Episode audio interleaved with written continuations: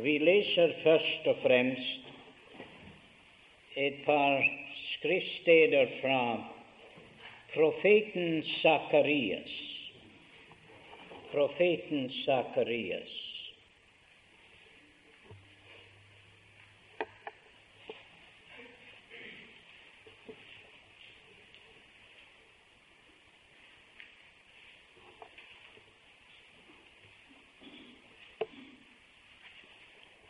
Og det uh, tredje kapittel, kapittelet tre, profeten Sakarias.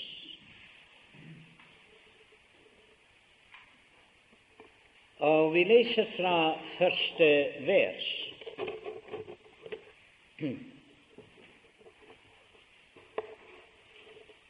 Så lot han meg se Josva ypperste presten som stod for Herrens engels åsyn. Og Satan stod ved hans høyre side for å anklage ham. Men Herren sa til Satan, Herren refser deg, Satan. Herren refser deg. Han som har utvalgt Jerusalem, er ikke denne mann her en rykende brann, revet ut av ilden. Men Josfa var kledd i skitne klær, der han stod for engelens åsyn. Og engelen tok til orde og sa til dem som stod foran ham, ta de skitne klær av ham. Og til ham sa han, se, jeg tar din misgjerning bort fra deg og kler deg i høytidsklær. Da sa jeg, sett en ren hue på hans hode. Og de satte den rene hue på hans hode, og hadde på ham andre klær, mens Herrens engel stod der. Det var like som en illustrasjon av det emnet vi har foran oss. Så leser vi nå i Vi leser i Romerbrevet. I Romerbrevet av det tredje kapittel. Romerbrevet av det tredje kapittel, og vi kan eh, lese fra vers 19. Romerne 3 og vers 19. Men vi vet at alt det som loven sier, det taler den til dem som har loven, for at hver munn skal lukkes og hele verden bli skyldig for Gud, siden intet kjøtt blir rettferdiggjort for ham ved lovgjerninger. For ved loven kommer syndens erkjennelse. Men nå er Guds rettferdighet, som loven og profetene vitner om, åpenbaret uten loven. Det vil si Guds rettferdighet ved troen på Jesus Kristus for alle, over alle som tror. For det er ingen forskjell. Alle har syndet og fattes Guds ære, og de blir rettferdiggjort uforskyldt av Hans nåde ved forløsningen i Kristus Jesus, som Gud stilte til skue i Hans blod som en nådestol ved troen, for å vise sin rettferdighet, fordi Han i sin langmodighet hadde båret over med de synder som før var gjort, for å vise sin rettferdighet i den tid som nå er, så han kunne være rettferdig og gjøre den rettferdig som har troen på Jesus. Hvor er så vår rås? Den er utelukket. Ved hvilken lov? Gjerningenes? Nei, ved troens lov. For vi holder på at mennesket blir rettferdiggjort ved troen, uten lovgjerninger. Nå les i kapittelet fire og vi kan lese fra vers 22. Derfor ble det også regnet ham til rettferdighet, det vil si Abraham. Men ikke bare for hans skyld er det skrevet at det ble tilregnet ham, men også for vår skyld, som det vil bli tilregnet, vi som tror på Ham som oppvakte Jesus vår Herre fra det døde, Han som ble gitt for våre overtredelser og oppreist til vår rettferdiggjørelse, da vi nå altså er rettferdiggjort av troen, har vi fred med Gud ved vår Herre Jesus Kristus. Nå leser vi et par vers i kapitlet åtte. Kapitlet åtte, Romerbrevet 8, og så leser vi der i det første vers til eksempel. Så er det da ingen fordømmelse for den som er i Kristus Jesus.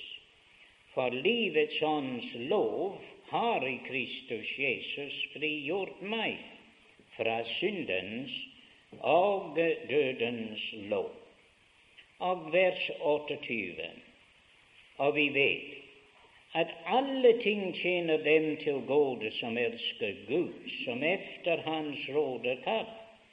For dem som Han forutkjente, dem har Han også forutbestemt til å bli likedannet med Hans sønns bilde, for at han skulle være den førstefødte blant mange brødre. Og dem som han har forutbestemte, dem har han også kalt. Og dem som han kalte, dem har han også rettferdiggjort. Og dem som han rettferdiggjorde, dem har han også herliggjort. Hva skal vi da si til dette? Gud for oss? Hvem er da imot oss? Han som ikke sparte sin egen sønn, men gav ham for oss alle, hvorledes skal han kunne annet enn gi oss alle ting med ham? Hvem vil anklage Guds utvalgte? Gud er den som rettferdiggjør. Hvem er den som fordømmer? Kristus er den som er død, ja, hva mere er, som også er oppstanden. Og og også er oppstanden, som også er ved Guds høyre hånd, som også går i forbønn for oss. Hvem vil skille oss fra Kristi kjærlighet? Trengsel eller angst eller forfølgelse eller hunger eller nakenhet eller fare eller sverd? For skrevet er For din skyld drepes vi hele dagen. Vi eh, er regnet som slaktefår, men i alt dette vinner vi mer enn seier ved Ham som elsker oss. For jeg er viss på at verken død eller liv, verken engel eller krefter, verken det som nå er, eller det som kommer skal, eller noen makt, verken høyde eller dybde eller noen annen skapning, skal kunne skille oss fra Guds kjærlighet i Jesus Kristus, vår Herre. Nå eh, må Herren da velsigne for oss lesningen av sitt dyrebare ord.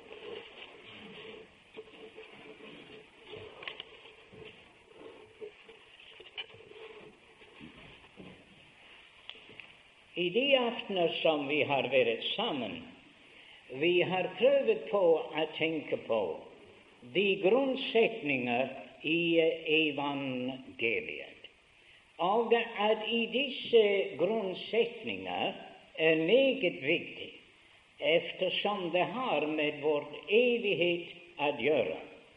Så at vi kan ikke risikere på noen måte at uh, at uh, tage en forkert stilling overfor dette evangeliet.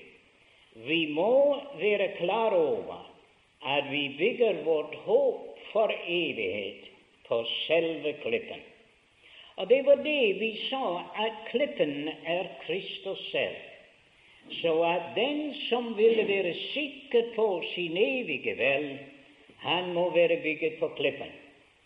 Og for det andre, vi sa at det hele galt den store forsoning, nemlig hva Gud har gjort.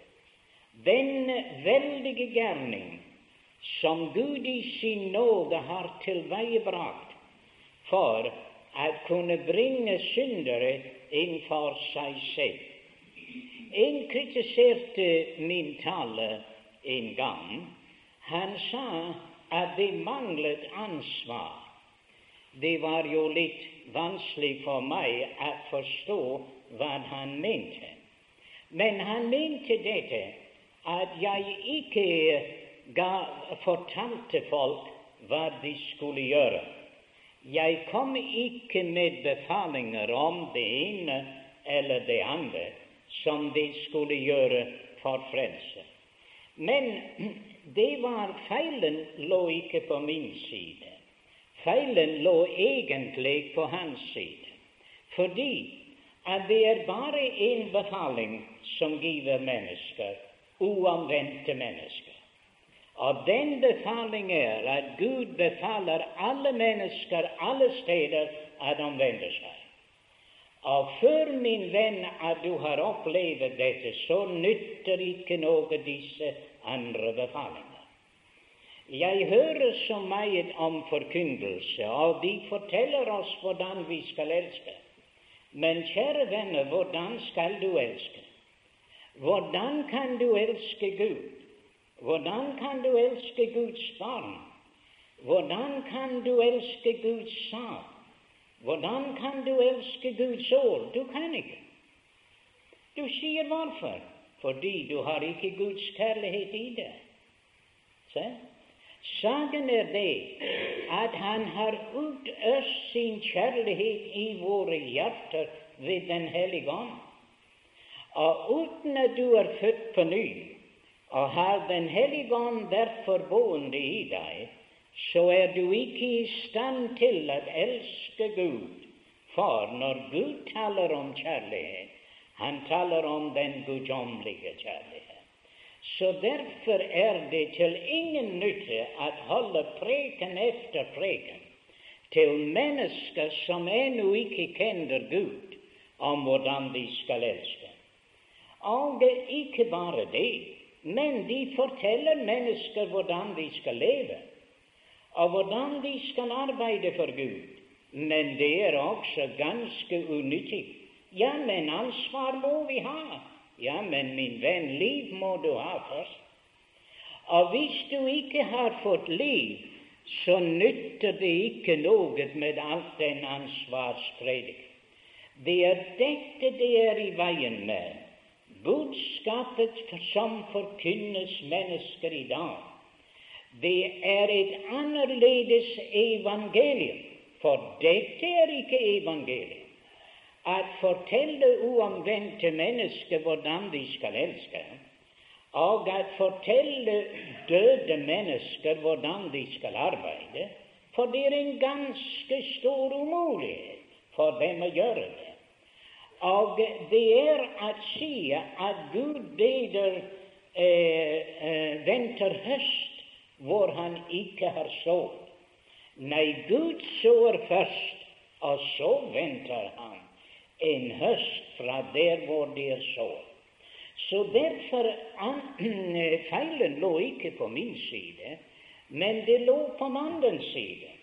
For mitt budskap var nemlig dette, ikke hva du skal gjøre, men min budskap er hva Gud har gjort, og det er en helt annen sak.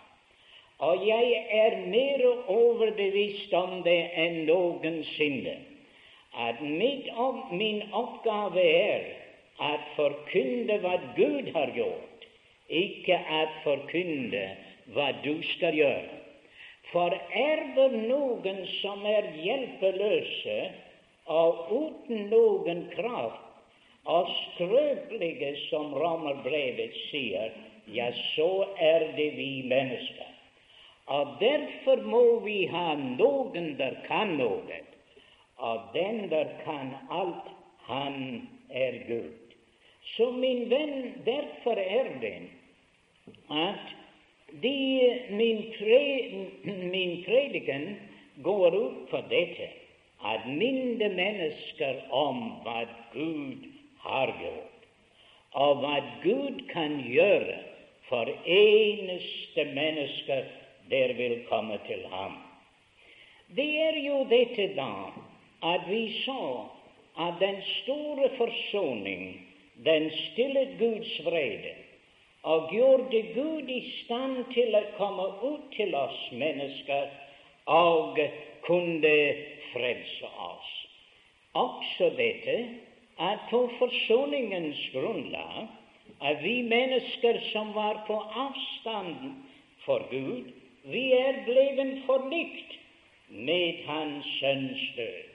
Og dette er så stort at blive brakt i samfunn med Gud, og at det er en fredsforhold. Og dette er evangeliet. Evangeliet er ikke at du skal gjøre noe for å bli forlikt med Gud, men Gud har grunnlagt forlikelsens gjerning, og Han beder oss si til deg, la deg forlikes med Gud.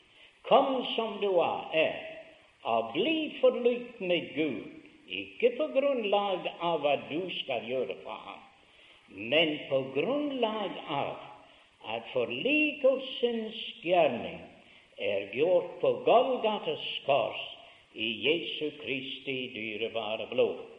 Vi så også at forlatelse, syndernes forlatelse, at det var en nådig gjerning fra Gud, og at Han vil tilgive deg alle dine synder fordi den som bar dine synder på Golgates kors, han sier til deg, dine synder er deg forlatt. Hva det er det å gjøre der? Det er ikke annet enn å si ham takk. Og det er ditt ansvar, min venn, er å ta imot syndernes forlatelse fra Jesus Kristus, for han alene kan forlate deg alle dine synder. Så det er et herlig evangelium. Men så kommer vi til å se at de velsignelser er ikke bare at man har et fast grunnvalg, og at man har forlikelse og syndernes forlatelse, men det er noe som heter rettferdiggjørelse. Og dette er jeg forferdelig glad for. At det lar oss se hvordan et menneske kan være stillet innenfor Gud. Noen sier dette at uh, man kan ikke vite man, uh, hvordan man står innenfor Gud før den store dommedag. Du må vente til den store dommedag, og da skal vi få vite. Men hvorfor sier han at de er allerede fordømt som ikke tror på Guds sønn? Hvorfor sier han det? Han forteller deg allerede at du er fordømt. Nå, sier du. Jeg trodde jeg skulle vente til den store dommedag. Nei, nei, det behøver du ikke. Du kan vite her og nå at Guds vrede blir over deg dersom du ikke tror på Guds sønn. Men på den andre side, du kan også tro, du kan også vite hvordan det står til med deg, om du har trodd på Guds sønn.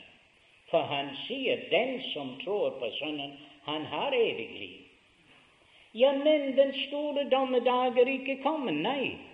Men den som tror på Guds sønn, han har evig liv.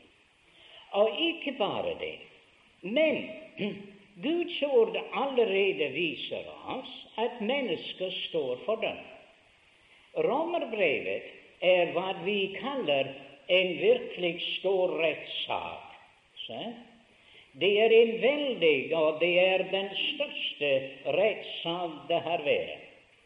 Og det herlige ved det er det det er så meget bedre enn den store dommedag. Du sier hvorfor? Fordi i den dommedag i Romerbrevet det er en mulighet for frelse. Men i den store dommedag er det ingen mulighet for frelse. Se, i Romerbrevet er det en trone hvor dommeren sitter, og i åpenbaring er det en trone hvor dommeren sitter. Men i Romerbrevet er det denne forskjell. Det er en nådestol. Der i domssalen er det en nådestol. Men ved den store dommedag er det ingen nådestol. Du leser ikke om en eneste der bliver fremst på den store dommedag, for det er det døde det er der. Det er den der ikke har taget imot. Det er dem hvis navn ikke er skrevet i livsens bok. Og derfor er det de er dømt til evig fortapelse. Så min venn, saken er jo den hvis du venter til den store dommedag for å få dette spørsmålet avgjort, så er det for sent. Og så er det intet håp for deg. Men saken kan blive ordnet i aften, for dommeren er her, nådestolen er her. Alt er i orden for at du kan stå der og se deg selv dømt, og du kan stå der og se deg selv rettferdiggjort. Tenk på Josfa der. Han stod innenfor dommeren, og anklageren, Satan, var ved hans side. Og i virkeligheten der var tre til stede der. Englene nevnes, men det var tre store figurer der. Det var Gud, det var Josva, og det var anklagere. Det var jo en veldig sak. Det var jo føreren, lederen, den beste mann som var i Israel. Det var Josfa, ytterste presten. Nå, sier du, hva vil dette si? Jo, Josfa, ypperste presten, han skulle være en representant for hele Israel. Se? Og hva Gud vil gjøre for ypperste presten, så vil han gjøre for hele Israel. Men saken var den det var Gud og Josva og Satan. Nå, her i aften alle disse tre er til stede. Gud er til stede her i aften. Du er til stede, og det gjelder deg. Satan er til stede. Og hvordan skal det gå? Tror du han kan anklage deg? Å, du sier det er masse ting han kan anklage meg for. Hvordan sier Josfa ut? Han var iført skitne klær. Ja, ja. Han var der, mine venner, i skitne klær. Hva sa han for seg selv? Egen forsvar? Han kunne ikke forsvare seg selv. Han kunne ikke si et godt ord om seg selv. Alt var klart og tydelig. Han stod i iført sine skitne klær innenfor Gud. Og det står at alt er åpen og baret for den Gud som vi har å gjøre med. Du kan kanskje overfor meg late som om du er så og så, men det er en som du ikke kan narre. Du kan ikke nære Gud. Han vet, min venn, hvordan du er. og han har det alt sammen fremfor ham. Du står som en synder i Guds nærværelse. Tenk, min venn, kledd i skitne klær. Det betyr døden for, for Josma. For å komme inn for en hellig Gud i skitne klær, du er dødsdømt, Jasper. Ja, ja. Og så er vi, mine venner, alle sammen dødsdømt. Og således er det at hele verden de står. Hvis du leser Romerbrevet, du ser at for den store trone der, der står hele verden. Det er ikke en mann som Josve der, men det står hele verden. Og de deler verden i to deler. Den ene kaller dem for jøder, og den andre kaller dem for hedninger. Gud dømmer ikke hedninger efter jødenes lov. Gud dømmer jødene efter jødenes lov. Men Gud dømmer hedninger efter de ting som de vet. Og derfor er det at da han bringer inn hedningene, han dømmer hedninger efter det vitnesbyrd som er. Og det ene vitnesbyrd var selve skapelsen. Han sier hedninger de behøver ikke å gå og dyrke av gudene. De må vite at det er en Gud til. For selve skapelsen forkynner Hans evige guddom og kraft og herlighet. Så er det uten unnskyldning. Det har ikke et ord å si. Det er dømt på grunn av skapelsens vitnesbyrd. Men han går inn i andre ting. Jeg har ikke tid til å ta dem frem i aften. Men han til og med bruker dette at han sier at disse folk de kjenner godt fra om.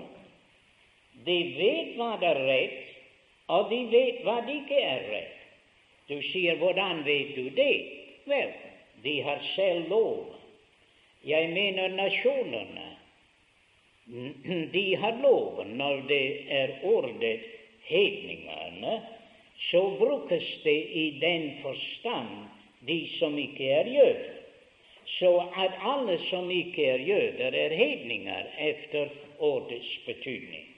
Vi taler om hedninger, dem som eh, bor i det usiviliserte landet. Men hedninger er alle mennesker som ikke er jøder. Og han dømmer oss fordi disse nasjonene, for, som er kanskje et bedre ord å bruke Nasjonene, de har lov, og vi har lov, og vi sier efter den lov og efter den paragraf, så må du ikke stjele. Og du må ikke eh, myrde noen, og du må ikke det, og du må ikke det. Nå, hvorfor det? Se, de vet at det er en lov. Det er skrevet i deres hjerte. De vet hva det er rett, og hva det er urett. Men det er ingen, eh, ikke umulig og ukjent at dommeren som sitter på domstolen, han har også stjålet. Men eh, saken var den, det var ikke han der var anklaget her. Nei, eh, han sitter som dommer, og han dømmer den andre fordi han stjal. Men det var en eneste forskjell der at dommeren var ikke oppdaget, og den andre var oppdaget. Sånn er menneskelover. Men faktum at vi har disse lover, det lader oss vite dette at de setter opp en standard se, for mennesker. Og de dømmer andre mennesker. Men vent, du må dømmes etter Guds standard efter Guds målestokk og ikke efter menneskets målestokk. Og hva er resultatet? Så kommer jøden, og jøden Nå, hvordan er det med deg? Jeg har loven, sier han. Ja, det er givet oss av Gud. Ja, holder du loven? Holder du loven? Den som støtter an i et bud, han er skyldig i alle. Og så ramler det hele for ham. Han gjør sin rås i loven, men hva hjelper det at du råser deg av loven? Jeg bare kjenner en mann der holdt lov, og det var Jesus selv. Han er den som elsket Gud av hele sitt hjerte, sjel og sinn, og sin neste som seg selv. Han, han og ingen andre. Så da jøden står der, han roser seg av, av loven, men loven dømmer jøden. Og mennesket egne lover dømmer mennesker. Det hele står innenfor Gud, og det står at hele verden er skyldig innenfor Gud. Og han sier ikke bare det, men hver munn er lukket. Du kan ikke si et ord i selvforsvar. Det store domstolsdag er kommet og du og jeg står innenfor Gud skyldig og dømt til evig undergang. Og med en lukket munn vi kan ikke si et ord i selvforsvar. Ja, du sier jeg betaler hver sitt, som om dette hadde noe med saken å gjøre. Og jeg gjør mange gode gjerninger som de hadde med no saken å gjøre. Men saken er den du har syndet mot den hellige Gud. Og du og jeg er dømt, og dømt til evig undergang. Så hele verden er skyldig for Gud. Han har ført deg og meg inn for domstolen. Han har ført vitner inn imot oss. Anklageren har anklaget oss, og hver eneste ting er slått fast, og det er ikke en skygge av tvil at den som står innenfor Gud, han står der fordømt. Min venn, du er dømt til døden, og dømt til evig undergang, alle sammen, håpløst fordømt.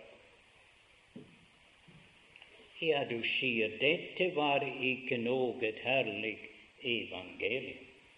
Nei, men hva er evangeliet? Evangeliet med Guds budskap for hvem? For fordømte syndere. Ja, hvis du er ikke en fordømt synder, så behøver du ikke. Hva nytter det at noen får et et pardon, eller at en får en frifinnelse når man er jo skyldig. Nei, kjære venner, det er dette. Du er dømt, men så er det nå, og det er dette som Gud ville lade deg vite. Og for at fordømte syndere kunne blive rettferdiggjort, da må det skje noe. Hva måtte skje? Da står det der i Romerbrevet at han stiller Jesus Kristus frem som en nådestål i hans så at Gud kunne være rettferdig og rettferdiggjøre den som er fordømt. Det kan de ikke gjøre her rettferdiggjøre et menneske som er skyldig. Ja, somme tider nå til dags de fordreier rett, men egentlig kan man ikke opprettholde og rettferdiggjøre en skyldig person. Mens Gud, han står overfor dette. Kan Gud rettferdiggjøre? Hvem kan rettferdiggjøre? Det er bare Gud kan gjøre. Nå, hvordan vil du gjøre det? Vel, Gud sier loven må ha sin gang, og syndens lønn er døden, og jeg krever døden for den synd. Så. Dømt og dømt til døden. Og så er det. Men han sier, jeg sender en som vil ta den fordømtes plass. Jeg sender en som vil ta den fordømtes skyld. Jeg sender en der vil ta den fordømtes forbannelse. Jeg sender en der vil ta den fordømtes plass. Jeg sender en der vil dø for ham. Ah, mine venner, da er saken annerledes. Gud kan beholde sin rettferdighet, se? og Guds lov kan bestå uten en eneste ting er tilsidesatt så Gud blir rettferdig. Men samtidig kan Han rettferdiggjøre den urettferdige. Og dette er jo en herlig ting i evangeliet. Du skal ikke tenke at Gud, min venn, at Han lukker øynene til dine synder. Det gjør Han ikke. Han krever full betaling for alle dine synder. Men han også sender en der kan og vil betale for deg og meg. Så derfor står dette herlige at ved denne domstol i Romerbrevet, der er ved siden av det en nådestol. Og han stillet Kristus frem som en nådestål i hans blod. Det er forferdelig for oss å tenke at det verste gjerning som mennesker noensinne har gjort, at Gud har vendt det hele om til en nådestål. Og det er jo så, for Kristus er stillet frem som en nådestål i hans blod. Der var det at du, min venn, var fordømt til døden. Og der var det at forbannelsen skulle gå over deg. Men Jesus Kristus tok din plass. Forbannelsen gikk over ham. Alle Guds bølger skyllet over hans sjel. Det er et ord som jeg synes er forferdelig. Han ble gjort til synd for oss, han som ikke kjente til synd. Han sank ned under alle våre forbannelser. Han bar våre synder der for sitt legeme på korset. Han døde under byrden av den store skyld. Alt hva tilkom deg og meg, alt den fordømmelse, det ble lagt på ham. Tenk, min venn, hva Jesus Kristus måtte gå igjennom for at en synder kunne blive rettferdiggjort. Og det er dette som er vårt emne i aften. At du kan blive gjort rettferdig. Jeg husker katekismer som jeg lærte i skolen.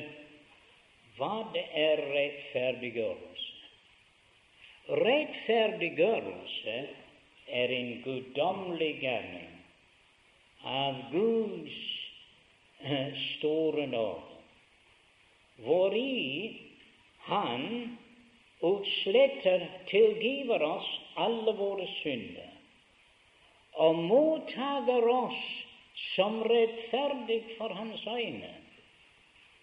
bare for Kristi rettferdighet, som er motta, som er tilbudt oss og mottaget ved troen alene.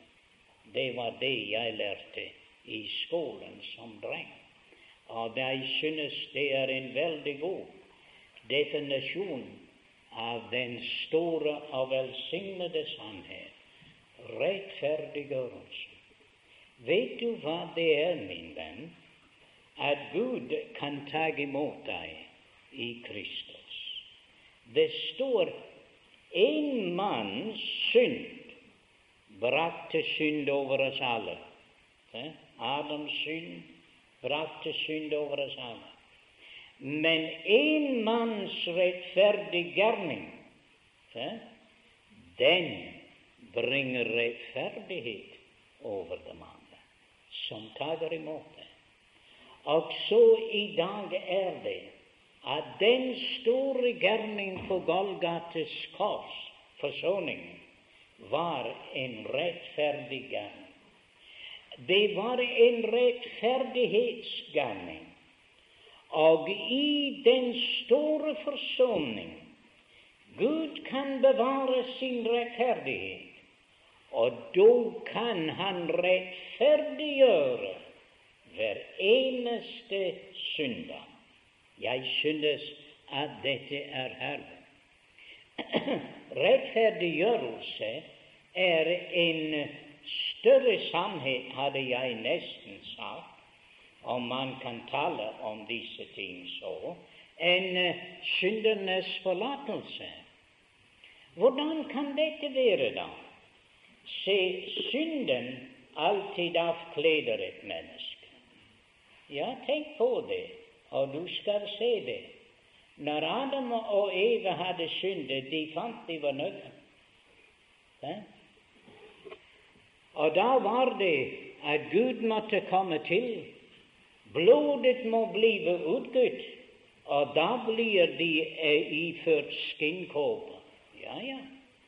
De står da i uh, den uh, drakt som det dyr hadde som døde for dem. Således er det. Og vi finner at ja, du mann som var der i, blant gravene, den som var besatt, ja, han løp rundt om eh, naken. Men når han kom til Jesus, det skjedde noe med Se, syndernes eh, forlatelse. Det lader mennesket stå ennå nøkken. Det står om Josven. Han står for Gud. Han var en synder. Ta de skitne klær fra ham. Det er syndernes forlatelse. Han var sikkert glad for å bli av med disse skitne klær, men han står nøken innenfor Gud. Ja, det var jo ikke nettopp det som han hadde ønsket. Nei. Men så sier Herren, ifør ham høytidsglede. Det er rettferdiggjørelse. At han giver deg den rettferdighet som du ikke kunne oppnå gjennom egen bestrevelse. En rettferdighet som du ikke kunne oppnå av lovens vei. Da sier han, bring den her høytidskledning. Ha det på ham. Der står han ikledd. Syndenes forlatelse lader deg stå avkledd. Dine synder er borte, men du står nøken for Gud. Men rettferdiggjørelse, den virker så at du blir iført Kristi rettferdige. Du vet at det er jo så at når du er jo Det var to ofringer i forbindelse med Israel. Den ene kalte de for et brennoffer, det andre kalte de for syndoffer. Men det var jo dette i syndofferet da de la hånd på det dyr, da bekjente de Israels synder, og så ble deres synder overført til dette offer. Det er syndenes forlatelse. Kristus tar dine og mine synder. Men så brennofferet hadde en annen gang. Mannen legger sin hånd på det. Men da er det noe annet som skjer. Det er de fullkommenheter som var i dette offer, blir overført til mannen. At det var noe helt annet. Det er rettferdiggjørelse. Du husker hva Paulus sier? Han sa det som var meg en vinning, det regnet jeg som skam at jeg kunne vinne Kristus og finnes i ham. Ikke med min rettferdighet, som er efter loven. Ja? Det var Paulus' skitne klær, om du vil ha det. Det som han selv hadde prestert, det beste han kunne. Han sier det er skam, det er skitne klær. Han sier, å, at jeg kunne finnes i ham, ikke med min rettferdighet, som er etter loven. Av, han tapte det hele.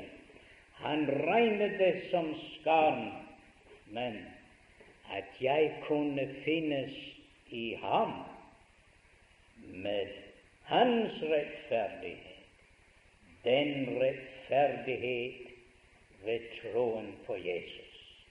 Se, min venn, det er to slags rettferdighet. Og den ene er bare skitne klær. Ja. Til alle våre rettferdigheter er som et besmittet kledebarn, akkurat som Jasper var. Men den kledning som passer til Guds nærværelse, er Kristi rettferdighet. Og det er dette som Gud vil gjøre for deg, og har gjort for deg, da du trodde på den Herre Jesus Kristus. Han iførte deg høytidsklær. Ja? Og høytidsklær, det kalles i Jesajas 61 frelses kredevogn. Rettferdighetens kappe. Det er bryllupskledning, min venn, om du vil ha det. Er den kledning som gjør deg passet for himmelen alle den som er i himmelen. Det står at de har hvite klær. Og kjære venn, det er så velsignet at den som kommer til den Herre Jesus Kristus, han får noe, Å, så herlig en gave. Hva er det han får? Han får Kristi rettferdighet. Det er det som kan stå for Gud, av det eneste det kan stå for Gud. Nå, min venn, hva kan du legge til dette? Ja? Tenk om Adam og Eva hadde prøvd å sy fikenbladet på den kåpe som Herren hadde gitt dem. Akkurat som mennesker vil i dag som du kan legge noe til den store gave og rettferdiggjørelse. Se, min venn, Gud gjør den som tror på Jesus, som om han aldri hadde syndet. Det er ikke bare at han renser deg fra synd, men han stiller deg inn for seg selv uten plett eller rynke eller noe sånt. Fullkommen ren. Å, hvor herlig er den tanke Kristi rettferdig. Det står et lille ord i Efeserbrevet, og det er dette mottaget i den elskede. Hva han gjorde for deg, var dette. Se, min venn, Han satte deg i Kristus, i Kristus, så at Gud ser ikke deg lenger, han ser Kristus. Broder McKinnon, han hadde før en lille maleri om en planke, en planke av tabernakelet. Jeg har kanskje sett det.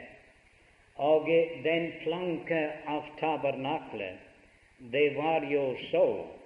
Innvendig var det akasiatre, som ikke var meget verdt.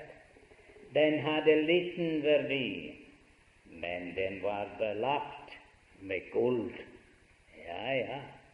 Og se, dette var jo et bilde på at du og jeg er iført Kristus. Ja, guld ved andre ord. Kristi rettferdighet.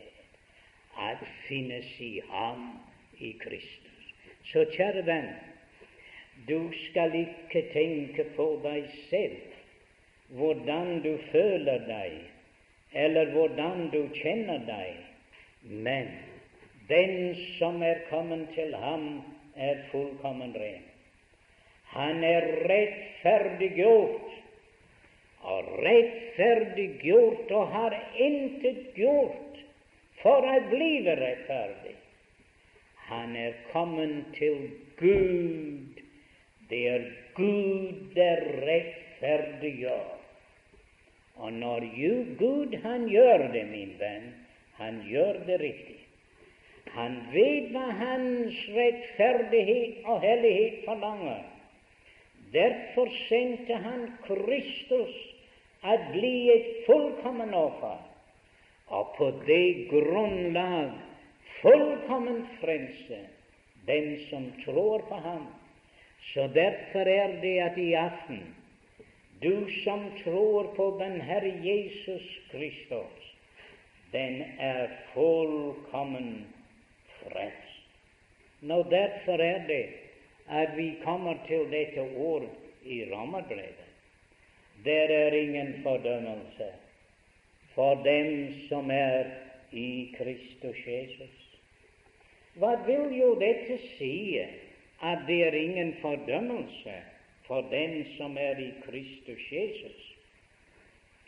Dommen kan ikke nå Den kan ikke nå Det står i forbindelse med arken at når noe skulle dekke det over, han skulle dekke det med bek. Og det merkelige ting, dette ord bek der, er det samme ordet kaffer som betyr forsoning. Ja, akkurat det samme ord. Og jeg synes det må være en mening i det. Det er noen der taler om at dåpen frelser, og de forteller oss at noe ble frelst eh, gjennom eh, vannet. Ja, men mine venner, det var ikke vannet det frelste ham. Han var frelst fordi han var i arken, og fordi at vannet ikke kunne komme til ham. Vannet var det som druknet de andre. Men vannet kunne ikke nå noe. Han var innenfor forsoningen. Og kjære venner, det er ingen fordømmelse for den som er i Kristus Jesus. Ti, dommen kan ikke nå deg. Dommen skal aldri falle to ganger på det samme sted. Nei, det falt på Kristus. Og du og jeg er i Kristus, og dommen kan ikke nå oss. Det er ingen fordømmelse for den som er i Kristus Jesus. Og Derfor sier han at dem som han har falt, dem har han også rettferdiggjort. Og de er rettferdiggjort ved troen på Jesus. Abraham trodde Gud, og det ble regnet ham til rettferdighet.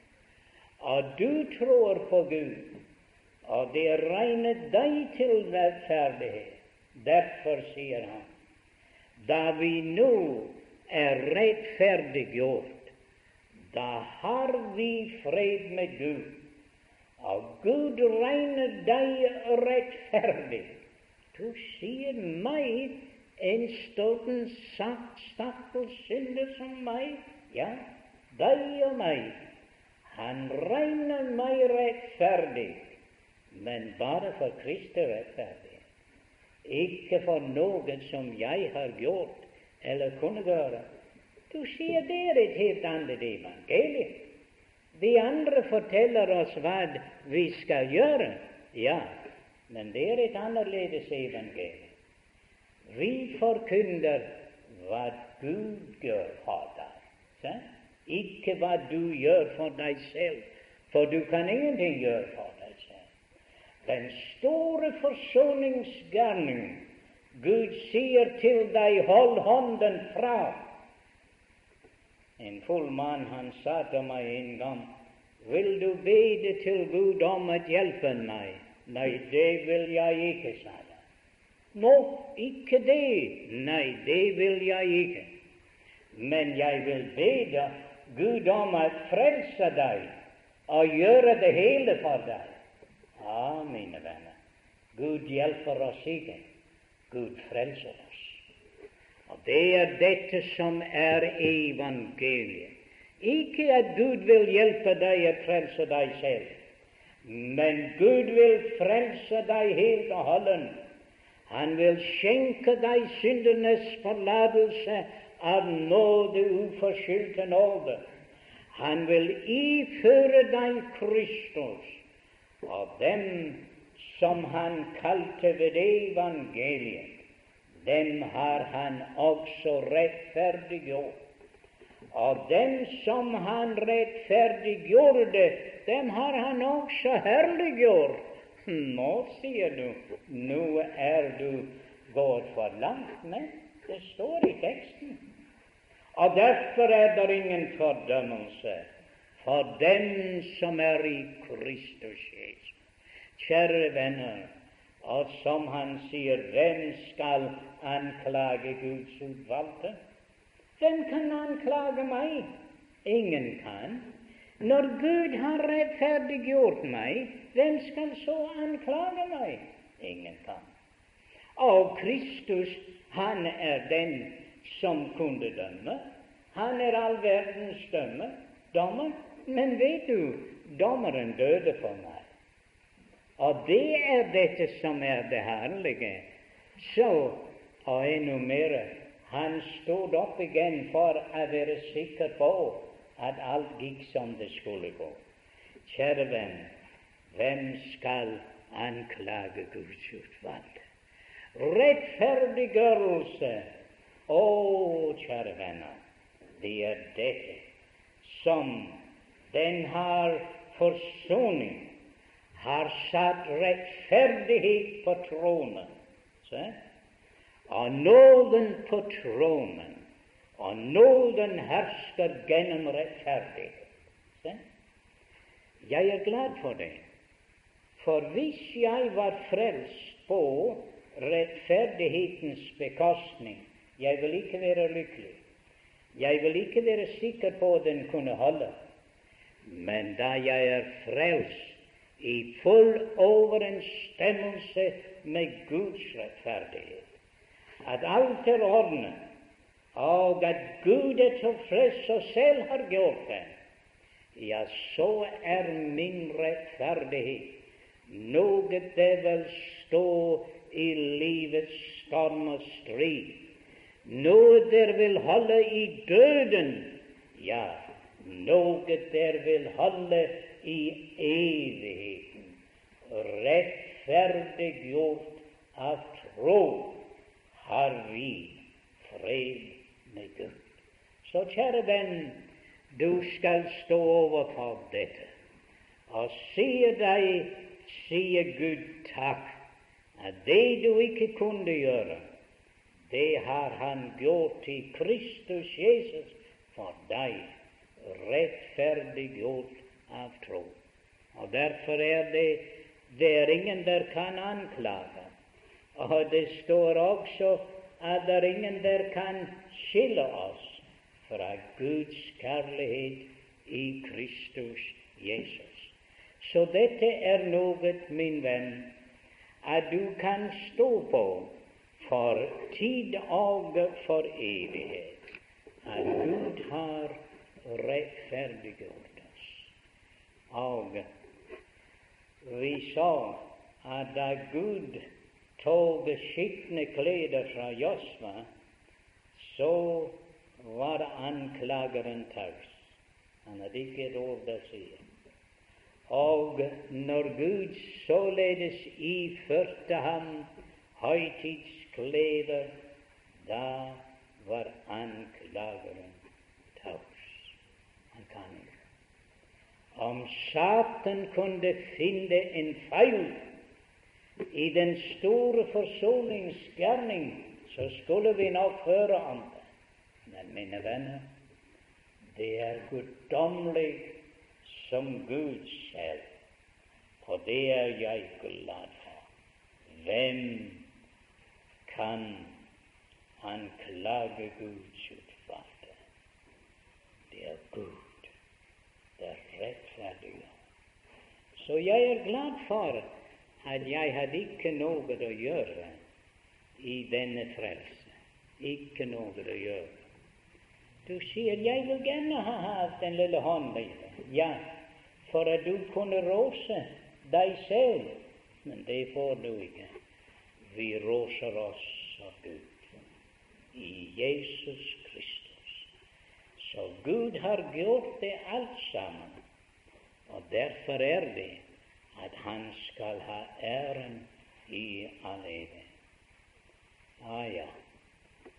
Men dette evangelium er ikke populært. Du sier hvorfor? Fordi mennesker vil gjerne gjøre noe. Og de vil gjerne ha noen ære, men de får det ikke. Det var en mann der kom inn til bryllupet, og han hadde ikke bryllupskledning på. Og mesteren sa, 'Hvordan kom du inn uten bryllupskledning?' Han tau. Han hadde ingenting å si. Hvorfor det? Mesteren hadde tilveiebrakt sin bryllupskledning for dem alle sammen. Men han vil ikke ha den. Ja, derfor må han utenfor i det evige mørket. Og vet, min venn, vi sier det med alt alvor. Om du vil forkaste Kristi rettferdighet og ikke ta den, så må du forstå dette, min venn. Du går ut i det evige mørket. Det er ingen annen ting. For kaster du Kristi rettferdighet, det er ingen annen rettferdighet der kan stå for Gud. Men derfor er jeg glad for at Gud i sin store nåde visste sin rettferdighet på Golgates kors, da han gav Jesus å dø for meg, og at han vil rettferdiggjøre meg av nåde uforskyldte nåde. Så derfor er det vi må lovprise Ham og rose oss av Gud alene, for Han er min rettferdighet. Vi har en lille sang på engelsk, men det er egentlig det hebraiske som det her. Og vi sier Jehova Sedkenium er alt for meg. Det vil si Gud, min rettferdighet. Å, hvor herlig! Intet mindre enn Gud, min rettferdighet. Så du kan forstå, min venn, det er herlig at være rettferdiggjort på forsoningens grunnlag det er noe det gjør deg trygg for tid og for evighet. Så må Herren velsigne sitt ord. Noen av de unge kanskje de forstår ikke dette. Men kom som du er til din frelser. Ta imot ham. Bare si til ham, Jeg kommer, Herre. Jesus døde for meg. Jeg kommer som jeg er. Og Gud vil iføre deg Kristi rettferdighet. Han vil gjøre deg til et Guds barn i dette øyeblikk, der hvor du sitter. Vil du komme? Vil du tro på ham? Vil du ta imot Kristi rettferdighet? Det vil gjøre deg en kraft i livet, men min venn, det vil gjøre deg rede for evighet. Det er den eneste kledning som giver adgang til himmelen, er Kristi rettferdig. Skal vi be. Fader, vi takker deg for frelsens store plan. Det synes å være for stort for oss. Vi kan ikke romme det. Men Herre, vi er kommet til å se at det er stort og herlig, noe som vi ikke har noen andel i, sånn sett at vi kan gjøre noe. Men du har gjort det alt sammen for oss. Og Fader, du har gjort den fullkommen vel. Så her er vi, stakkars fortapte, fordømte syndere. Intet i oss selv det kan anbefale oss til deg. Men vi kommer til deg, å Gud, i Jesu navn. Vi kommer til deg på forsoningens grunnlag. Og vi sier deg takk, Fader, for at du ifører oss Kristi rettferdighet av nåde, uforskyldte nåde. Din skal være ære, nå og i all evighet. Velsign ditt ord for hvert hjerte, så at vi må fryde oss og glede oss at du er rettferdig, og at du har rettferdiggjort oss ved troen av nåde, uforskyldt nåde. Så velsign ditt ord Fader, i vår Herres Jesu navn.